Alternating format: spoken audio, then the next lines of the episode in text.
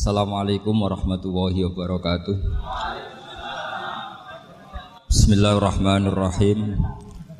Tabarakalladzi nazzala al-furqana ala 'abdihi liyakuna lil 'alamin nadhira. Allahumma shalli wa sallim ala sayyidina Maulana Muhammad wa ala alihi wa sahbihi asma'in nama ba'du. Uh, semua pengurus PBNU yang saya hormati, semua habaib, semua ulama yang saya hormati, wabil khusus Kiai Haji Abdul Manan Ketua Lembaga Dakwah PBNU yang meskipun modoknya hanya tiga bulan. Ini sebetulnya problem. Sehingga saya ke sini ini sebetulnya tidak pernah merasa ibadah. Ini ini bukan dakwah ini show dakwah. Jadi yang namanya dakwah itu ya Orang-orang di kampung nggak bisa ngaji diajarin ngaji. Seperti saya di Jogja di Rembang. Kalau ini so dakwah. Dan ini ada agak kesalahan karena mondoknya hanya tiga bulan. Jadi tidak bisa bedakan mana dakwah mana so dakwah. Ini jelas so itu. Mungkin yang benar-benar dakwah yang sekarang sedang bikin masjid di pedalaman Kalimantan, pedalaman Sulawesi atau saudara-saudara kita yang di Korea, saya kemarin di Korea itu dakwah betul. Kalau ini ini agak-agak tontonan. Ya tapi masih bagus lah melihat wajahnya Habib ulama itu ibadah. Uh, tapi begini ya, yang jelas saya berharap sekali saya diundang sekali ini saja, jangan diulang. Karena mencintai ulama itu baik, tapi ngatur ulama itu dosa. Ini Jadi ini, ini harus dicatat. Jadi Imam Malik itu kalau diundang tuh marah, meskipun yang undang itu seorang raja zaman itu Harun Ar-Rasyid. Beliau minta supaya Imam Malik baca muwatta di istana untuk anak-anaknya. Padahal seorang presiden mau ngajari anak-anaknya. Imam Malik marah, masyur itu Daud. Al ilmu yu'ta la ya'ti. Ilmu disowani ora apa ilmu yang sowan. Di mana-mana timba itu ke sumur apa sumur yang ketimba? Timba ke sumur. Timba ke sumur. Ini agak kecelakaan. Pakai air pam. Oh, ya, air, air, air pam katanya. Jadi udah banyak air lain. Uh, sehingga saya kata orang banyak itu di SK kan PBNU, tapi itu tidak pernah saya pikir. Uh, karena saya melakukan kebaikan itu sebelum dapat SK.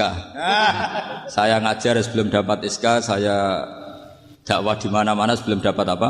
SK. SK saya langsung minawahi taala dari Allah taala. Jadi kalau PBNU niatnya ikrar bahwa orang yang sudah manfaat diangkat itu saya terima. Tapi kalau merasa ngangkat saya tak lawan di pengadilan ini. Karena saya sudah jadi kiai sebelum diangkat PBNU.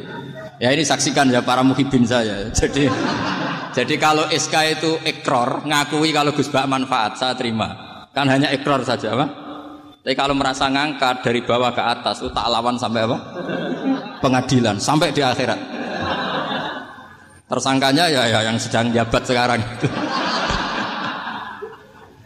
Tapi saya yakin enggak.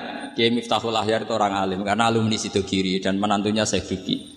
E, di antara gurunya itu pernah mbah mertua saya karena istri saya orang Sidogiri.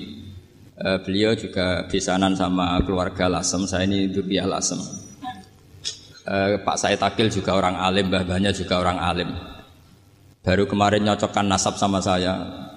Buyut-buyutnya beliau itu adik buyut saya pernah cocokkan sama saya. Gus saya sama saya tua mana tua saya, buyut kamu adik buyut saya kata saya gitu. Tapi saya tetap hormat sama beliau karena ya pernah sepuh. Umurnya setidaknya. Jadi saya ulang lagi ngaji seperti ini itu sebetulnya lebih ke show, pertunjukan supaya pertunjukan ini tidak dosa saya isi ngasih ngaji betulan tapi jangan diulang karena biasa biasa ngaji rutin. Saya di Jogja tafsir Jalalain sudah juz 23 pernah hatam hikam sekarang nasohi libat separuh. Saya ngaji di Sidogiri Itkon di Sarang Balaghatul Quran di Hajen uh, Lubul Usul. Tapi sarahnya yang Torikotul Usul sarahnya Basahal Mahfud. Jadi baru di sini ngaji bersaing sama orang yang mondok berapa? Tiga bulan. Ini ini ini masalah, masalah. Gak boleh mondok itu harus buat tulis zaman. Tapi ya tidak apa-apa, mungkin laduni ya. Jadi kalau mondok cepet itu kemungkinannya apa? Lajunya. Begini tapi saya tertarik apa yang dikatakan Kiai Haji Abdul Manan tadi menyangkut kalimat tauhid. Saya ngaji di mana-mana bilang kalau ngaji itu yang tahqiq, tahqiq itu detail. Detail itu bahasa Arabnya tahqiq. Jadi kita misalnya berpikir secara jernih, orang yang kafir 70 tahun itu pasti menjadi muslim karena melafatkan la ilaha illallah. Dan itu bi ijma'il ulama. Semua ulama mengatakan demikian. Saya ulang lagi itu bi ijma'il ulama. Karena mansus di Quran ada ayat kulil ladina kafaru iyantahu yughfar lahum ma salaf. Kalau orang yang kafir 70 tahun bisa dihilangkan kekafirannya hanya dengan kalimat la ilaha illallah Muhammadur Rasulullah. Berarti kalimat ini statusnya apa? Penghilang kekafiran apa? Penghilang kekafiran. Lalu ada kelompok yang mengatakan gara-gara kalimat la ilaha illallah dan pegang patok nisan itu orang menjadi kafir. Ini kan jadi paradok. Lafat yang kita statuskan sebagai penghilang kekafiran dengan lafat yang sama orang menjadi kafir. Itu nggak ketemu nalar. Mbok nalar paling apa pun tetap nggak ketemu. Kecuali tadi ya dalilnya pokok yang ngotot tadi. Itu memang kacau itu. Tapi alhamdulillah mereka insya Allah ya sadar. Kamu jangan bayangkan mereka tidak sadar terus. Berarti kamu doanya jelek. Bisa saja mereka sudah ingin sadar berhubung di gojlok ini terus gak jadi sadar. jadi jangan-jangan salah kita karena sering gojlok sehingga yang mau sadar jadi tidak apa? Tidak sadar. Saya tadi jam 10 sampai setengah dua masih ngajar di pondok saya. Saya ngajar tafsir masih di Rembang sana saya. Terus saya ke Semarang delalah Muyassar. Ya mungkin agak-agak keramat jadi tetap jam 3 seperempat saya bisa ketemu uh, Habib Umar Hafid.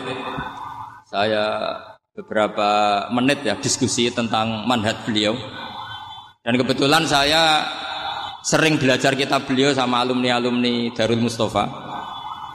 Uh, meskipun saya tidak pernah ke sana, tapi saya tahu betul madhab beliau karena al arwah junudun apa mujannada. Begini, saya sering dingetikani Mbah Mun, politik tidak jelas itu bagian dari kejelasan yang perlu. Jadi politik tidak jelas itu bagian dari apa? Kejelasan. Misalnya begini, siapa yang mengira Khalid bin Walid yang sangat musuhi Rasulullah, dia panglima orang kafir ketika mengalahkan Rasulullah di perang Uhud. Akhirnya Khalid bin Walid masuk apa? Islam. Begitu juga Wahsy. Qatilu ahab bin nasi ila Rasulillah, pembunuh Said Hamzah. Akhirnya juga masuk Islam. Begitu juga Abu Sufyan.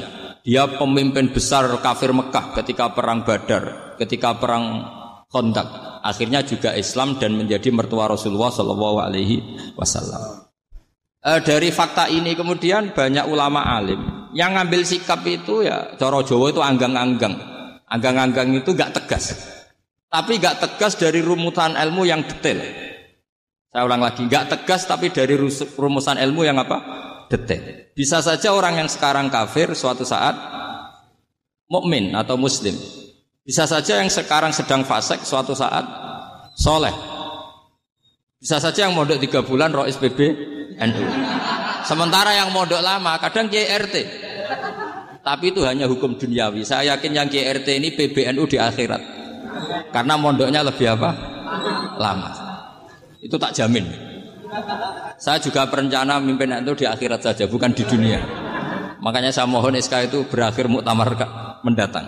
Karena saya sudah kiai sebelum diangkat. Makanya saya ulang-ulang, kalau pengangkatan itu niatnya ikrar, saya terima. Tapi kalau niatnya ngangkat, tak gugat di pengadilan. Ini tidak guyon, ini betulan. Ya, tapi ini hanya guyon saja. nah ini penting saya utarakan teori ngaji ya. Ini saya bacakan naskah asli Sayyid Umar Hafid supaya Anda dapat barokah beliau. Karena beliau selain alim alama, muridnya Habib Salim juga beliau pernah ngaji kutub Sayyid Abdul Qadir Segaf di Jeddah. Juga beliau sering istifadah di beberapa kiai. Ini saya baca teks Arabnya kemudian saya terjemah. Bagi yang tidak setuju pemaknanya bisa gugat karena saya baca Arabnya. Yang nggak setuju pemaknanya bisa gugat. Tapi tak jamin kalah karena saya paham betul teksnya maknanya seperti itu. Logikanya tadi ya. Ketika Rasulullah ngambil sikap tegas kepada Qatilu Hamzah yaitu Wahsy. Dan ketika Rasulullah ngambil sikap tegas pada orang-orang yang mengalahkan beliau di perang Uhud. Kaifa yuflihu qaumun fa'alu bi anbiya'ihim hakadha. Bagaimana mereka jadi orang benar atau orang yang dapat apa? kebahagiaan. Kalau mereka perlakuannya seperti Nabi seperti ini, yaitu Nabi sujawat waku sirat rubah, ya tuh Nabi itu wajahnya terluka, gigi serinya tanggal. Orang-orang seperti ini tuh nggak akan nggak akan bejo kalau orang Jawa, nggak akan falah. Tapi apa yang terjadi? Allah menurunkan ayat laisa laka minal amri syai'un aw yatuba alaihim aw yu'adzibahum. Muhammad itu bukan wilayah kamu ngecap orang, menstigmasi orang itu tidak wilayah kamu. Saya bisa saja mengampuni mereka atau menyiksa saya itu atau menyiksa mereka itu wilayah saya kata Allah. Saya bisa saja mengampuni mereka atau menyiksa mereka itu wilayah saya. Sehingga akhirnya apa? Rasulullah tidak ngambil sikap yang mungkin orang lain mengatakan itu tidak tegas. Tapi itu kearifan. Betul, akhirnya Wahsi malah masuk Islam. Khalid bin Walid panglimanya juga masuk Islam. Dan beberapa orang kafir juga masuk Islam termasuk mimpinihim ketuanya yaitu Abu Sufyan. Ini penting saya utarakan. Makanya ini saya baca uh, pembenaran dari konstruksi pikiran tadi. Nah ini supaya khas. Ini khasnya orang modok 10 tahun nih. Jadi ini saya baca ini. Nah, biar jelas ini ini nanti tagnya persis ya, tidak saya rubah. Ini di kitab uh, kitabnya Habib Umar Hafid namanya itu Taujihun Nabi Limardoti Bari. Kalau diterjemah ya mengarahkan orang yang sadar, Nabi itu orang yang sadar. Ya sampai ini termasuk orang yang sadar. Limardoti Robi menuju mendapat ridho Tuhan atau Allah Subhanahu wa taala. Saya baca teksnya ini di halaman 179. Ini tidak ada yang saya rubah, tidak saya kurangi. Bismillahirrahmanirrahim. Fala buddha an nuwattina qulubana ala annana khodamatu ahli hadal kaun. Wa yattali Allah min qulubina annana na'taqidu imkaniyata ayyasfa fi ahadina yaumal qiyamati man huwal ana kafirun. Yuslimu faya'lu sya'nu indal haqqi fayakunu sababan li kholasika fil qiyamah yumkinu dzalik. Jadi kita-kita para dai, para kiai itu adalah khodamatu hadal kaun. Kita ini adalah pelayan alam raya ini yang selalu berharap alam ini akan lebih baik, lebih baik. Orang yang sekarang sedang kafir bisa saja nanti yang nyafaati kamu di akhirat. Yaitu mereka masuk Islam lalu Islamnya lebih serius, akhirnya punya hak syafaat. Sementara kamu Islam mulai kecil tapi biasa-biasa saja seperti ini. Mulai dulu ngaji terus sama Ki Abdul Manan, nggak pernah yang ngisi ngaji. Itu artinya nggak ada perkembangan Makanya saya nggak ingin ngaji lagi karena saya ingin perkembangan Anda nanti tukang mengisi, bukan yang diisi. Kalau saya nanti ngaji lagi di sini artinya Anda kalau tetap mendengarkan itu tidak ada perkembangan. Pantas saja semulang Gus Bahak sampean sing ngaji. Kali-kali ada perkembangan saya ngaji sampean yang mulang itu bagus ya. Meskipun itu perkembangan yang menyesatkan. Ini penting saya utarakan. Ini daunnya Said Umar ya. Orang yang sekarang sedang kafir bisa saja orang ini nanti nyafaati kamu. Yaitu beliau orang ini Islam, kemudian Islamnya seri, serius, maka punya hak syafaat. Sementara kamu Islamnya biasa-biasa saja.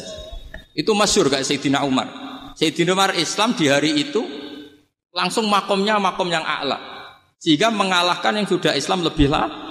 Lebih lama. Karena Islamnya Umar itu menjadi izzatul Islam betul. Makanya jangan benci orang tegas teman-teman, kadang ya ada baiknya. Abu Bakar itu sudah Islam, tapi lain al janib, orangnya santun. Kalau dipisau orang yang menengahi lah kira-kira seperti itu. Begitu juga Bilal, Ammar, Suhaib. Singkat cerita, Rasulullah itu sering dibully ya, sering disiksa orang-orang kafir. Rasulullah berharap, wah kalau yang Islam gini terus repot. Melihat Umar ini petarung di pasar Uka, dia dapat uang itu kalau tarung, menangan. Kata Rasulullah, kalau ini yang Islam ya bagus. Dia berdoa, Allahumma aizal Islam di Umar. Itu kira-kira dua hari dari doa beliau, Umar masuk Islam. Itu pertama masuk Islam itu orang-orang kafir diparani. Kalau, kalau kamu ganggu Rasulullah Muhammad, tak bunuh. Semenjak itu orang kafir yang gentenan sembunyi. Sehingga kata para mereka yang Islam, Islam selalu jaya mut aslama Umar ketika Umar masuk apa? Islam. Itu dalam satu hari Islam itu Rasulullah sudah ngendikan Umar yang Islam sehari ini Imannya kalau ditimbang separuh ahli dunia masih unggul sama Islamnya Umar. Nah, bisa saja seperti itu. Jadi saya minta sama teman-teman yang mencintai ilmu, tidak tegas itu bagian dari ketegasan dalam ilmiah. Karena kita ini tidak mengendalikan dunia, tidak mengendalikan hidayat, hanya Allah piyambak yang ngasih apa? Hidayat. Maka sikap kita laisalaka minal amri syai'un au yatuba alaihim au yu'adzibahu. Rasulullah yang ahabul khalqi ilallah saja tidak boleh tegas karena semuanya potensi itu ada. Cuma kita tegas dalam kebenaran saja, tapi nggak perlu tegas dalam mengawal kebenaran. Kenapa demikian? Karena Islam ini agama yang akan dijaga Allah ila yaumil. Yang jaga Islam bukan PBNU, bukan PP Muhammadiyah, bukan kiai. Yang menjaga Islam namun Allah Subhanahu wa taala. Makanya Sayyidina Umar itu kalau disuruh mikir Islam itu gak mau, gak mau betul. Masyur itu dalam tarikh-tarikh. Umar mimpin itu sukses, banyak futuhat. Singkat cerita akhirnya orang tuh kelangenan, wah kalau Umar meninggal kayak apa? Sehingga Abdul bin Umar setiap jalan-jalan tuh dibully, kalau sekarang dibully. Ya Abdul bin Umar, bapak kamu itu gimana? Sudah sepuh mau meninggal kok tidak suksesi. Kalau saja ada orang penggembala kemudian meninggalkan kambingnya di hutan, kamu anggap orang yang mudoyi enggak, menyanyikan kambing itu enggak? Ya iya kata Abdul bin Umar. Apalagi amru hadil umat. Umat ini mau ditinggal gelanggang nanti suatu saat Umar meninggal. Boyo suksesi supaya jelas. Logika itu diaturkan ke Umar radhiyallahu anhu, ke Sayyidina Umar. Pertama Umar agak tertarik dengan logika itu. Lama-lama beliau marah. Tidak, tidak, tidak, tidak jadi. Saya tetap tidak akan istikhlaf, tidak akan suksesi. Dan saya tidak akan mikir Islam katanya. Islam akan diurus oleh Allah Subhanahu Terus beliau ngendikan, Islam ini jalan ketika ditinggal Abu Bakar. Bahkan ketika ditinggal ahabul khalqi illallah, akramul khalqi indallah yaitu Rasulullah Muhammad sallallahu alaihi wasallam. Coba Islam dulu dipimpin Abdul Qadir ketua wali, dipimpin wali songo, dipimpin orang top-top. Sekarang dipimpin mondok tiga bulan jalan. Karena Islam yang ngatur Allah Subhanahu wa taala. Jadi ini penting. Lo coba ustadz tuh banyak yang nggak bisa ngaji loh. Tapi ya laku ya ya nggak masalah. Loh saya kemarin di Korea seminggu. Itu TKI TKI jadi khotib, ada yang jadi mufti, ada yang jadi surya. Itu ada yang di sana jadi surya, pulang ke kampung angon kambing lagi. Loh itu teman saya, saya kenal. Surya Korea. Sa iya Surya Korea tapi artinya gini. Bahkan masjid semua yang di Korea itu didirikan oleh TKI dan TKW. Mereka digerakkan Allah untuk mikir agama. Karena agama ini milik Allah. TKI saja mikir. Makanya ini penting, yo dakwah yo dakwah tapi tauhidnya sing kenceng. Jangan dakwah kenceng tauhidnya ken kendor. Itu bahaya betul. Saya ulang lagi ya, ini dawai Habib Umar. Jadi kata beliau, "Fala budda an wattina kulubana." Kita harus yakin seyakin-yakinnya bahwa semua kemungkinan itu mungkin. Makanya masyur dalam tarikh ketika kafir Quraisy mau disiksa oleh para malaikat karena mereka sering menyakiti Nabi, kata Nabi gimana? Jangan. Saya berharap kalau bapaknya tidak mukmin, suatu saat anaknya mau mukmin. Masyur dalam tarikh. Musuh Nabi besar siapa? Walid bin Mughirah. Punya anak Khalid bin Walid. Abu Lahab punya anak Darroh, itu mukminah yang baik. Abu Jahal punya anak Ikrimah, itu mukmin yang baik. Di Indonesia lebih hebat lagi. Bapaknya Raiso Moco Quran, anaknya Hafid. Bapaknya Utun Ratamat SD, anaknya jadi dekan. Di Indonesia banyak orang nggak siapa-siapa, anaknya jadi presiden, anaknya jadi menteri. Artinya jangan karena bapaknya kafir, kamu nganggap anak turunnya pasti selalu kafir. Teori itu sudah salah zaman Rasulullah. Yaitu Walid akhirnya punya anak Khalid. Abu Lahab punya anak Jarrah. Terus siapa? Abu Jahal punya anak siapa? Ik ini penting saya utarakan karena dakwah kalau terlalu semangat, nanti kalau menghilangkan tauhid bahaya. Tetap innal huda huda. Uni Soviet kayak apa? Mengkoptasi negara-negara sekelilingnya sampai jadi zuni. Tapi apa yang terjadi? Uni Soviet yang runtuh, persemakmurannya semua rata-rata jadi negara apa? Islam kayak Uzbek, kayak Ceknya, kayak apa-apa. Karena agama ini diurus Allah.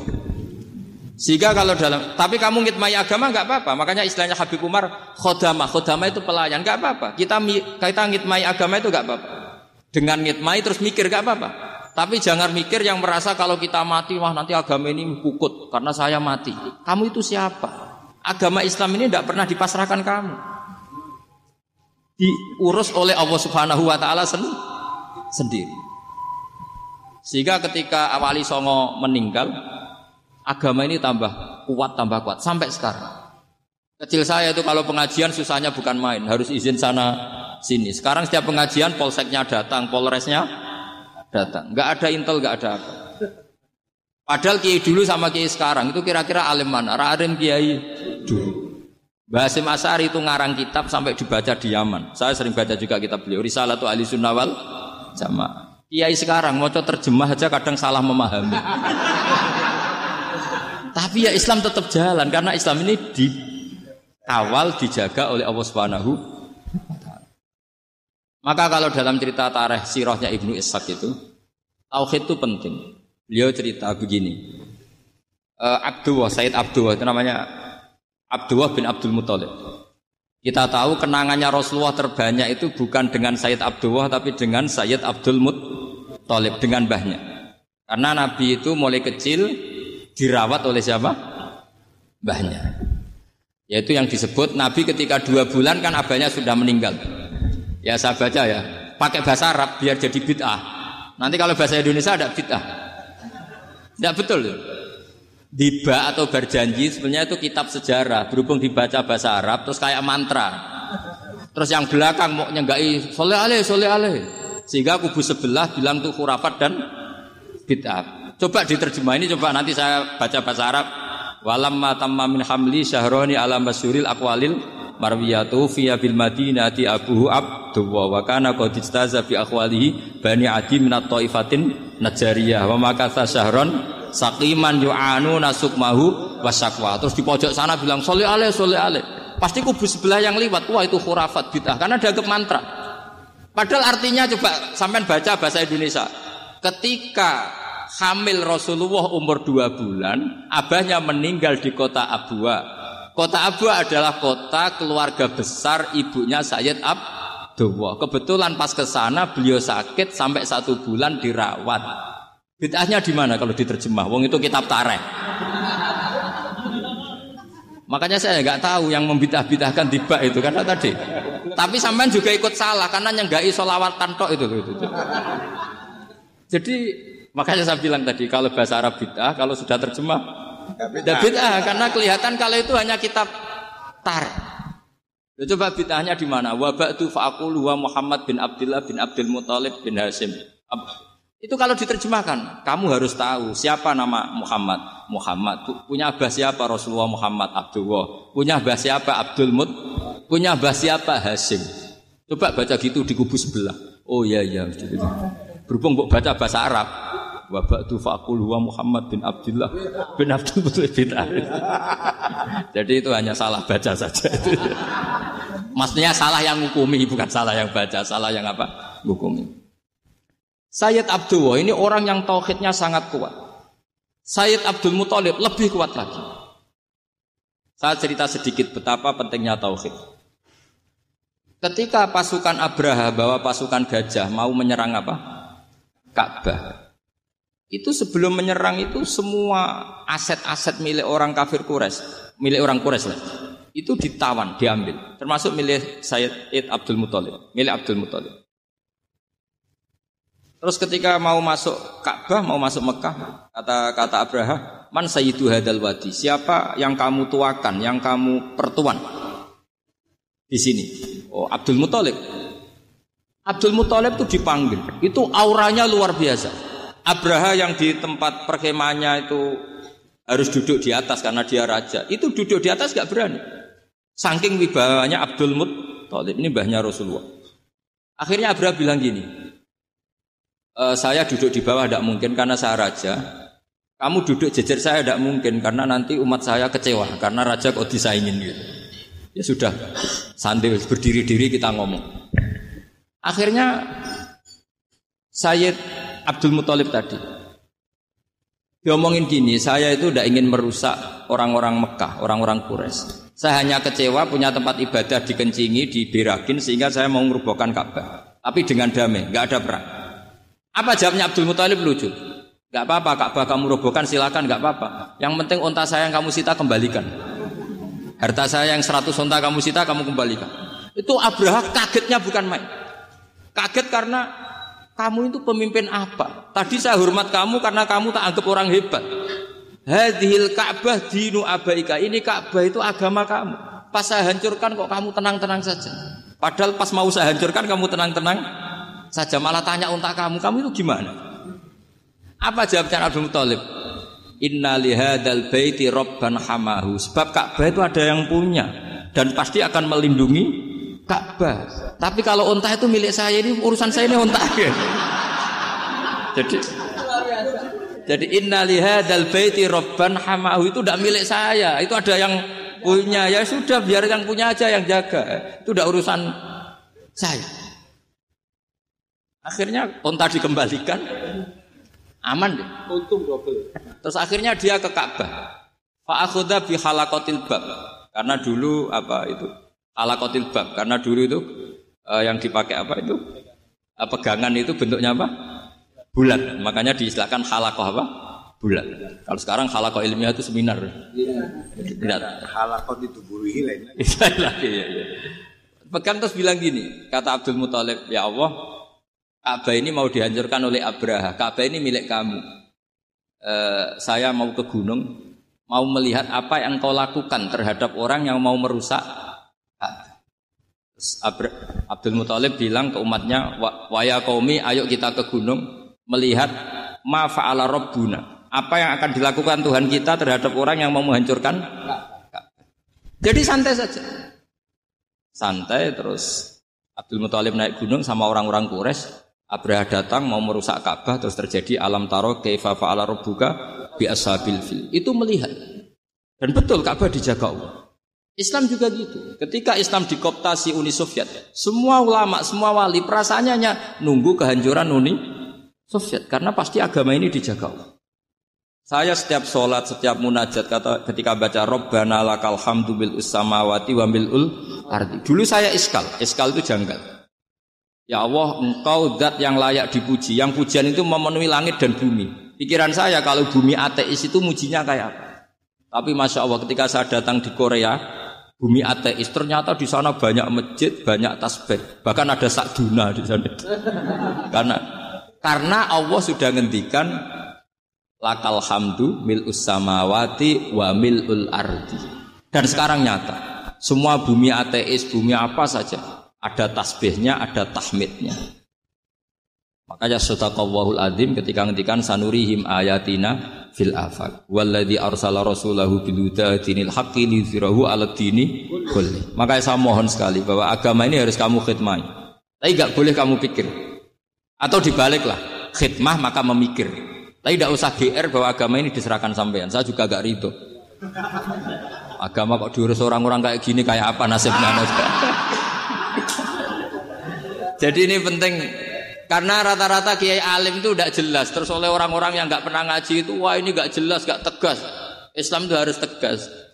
Maksudnya tegas itu kayak apa? Tegas itu di wilayah kita. Kalau istri kamu mau diperkosa orang itu boleh tegas, itu wilayah kamu. Tapi kalau hidayat itu wilayahnya Allah Subhanahu wa taala. Kita tidak pernah tahu. Bahkan yang sudah Islam saja, nyuwun sewu itu nggak ada jaminan mati husnul Kita tahu dalam sejarah Sa'labah itu dapat gelar hamamatul masjid, merpatinya masjid. Tapi kita tahu akhirnya salabah itu apa? Su'ul khotimah. Sampai dalam Islam selalu diajarkan ya muqallibal qulub sabit qalbi ala Jadi kalau kita sendiri saja masih ingin ingin selalu husnul khotimah, ingin agak ada ruang untuk mudah menfonis orang Makanya saya salut sekali ketika Habib Umar menulis kita-kita semua ini mengkhidmai hadal kaun dan selalu berharap bisa saja suatu saat orang yang sedang kafir bisa saja suatu saat muslim. Nah soal kalau yang sama yang harbi menyerang kita ya kita ya tarung kalau artinya kalau yang merangi kita ya kita wajib perang kalau enggak ya habis kita seperti kita lakukan ketika diserang Belanda. Belanda.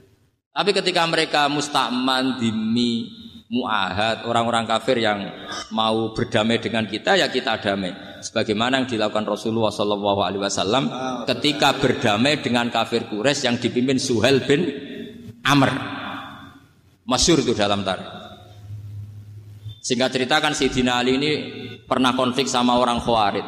Kata Sayyidina Ali, ya sudah lah, namanya kita musuhan, kita tidak usah ketemu, pakai mediator, kata Sayyidina Ali.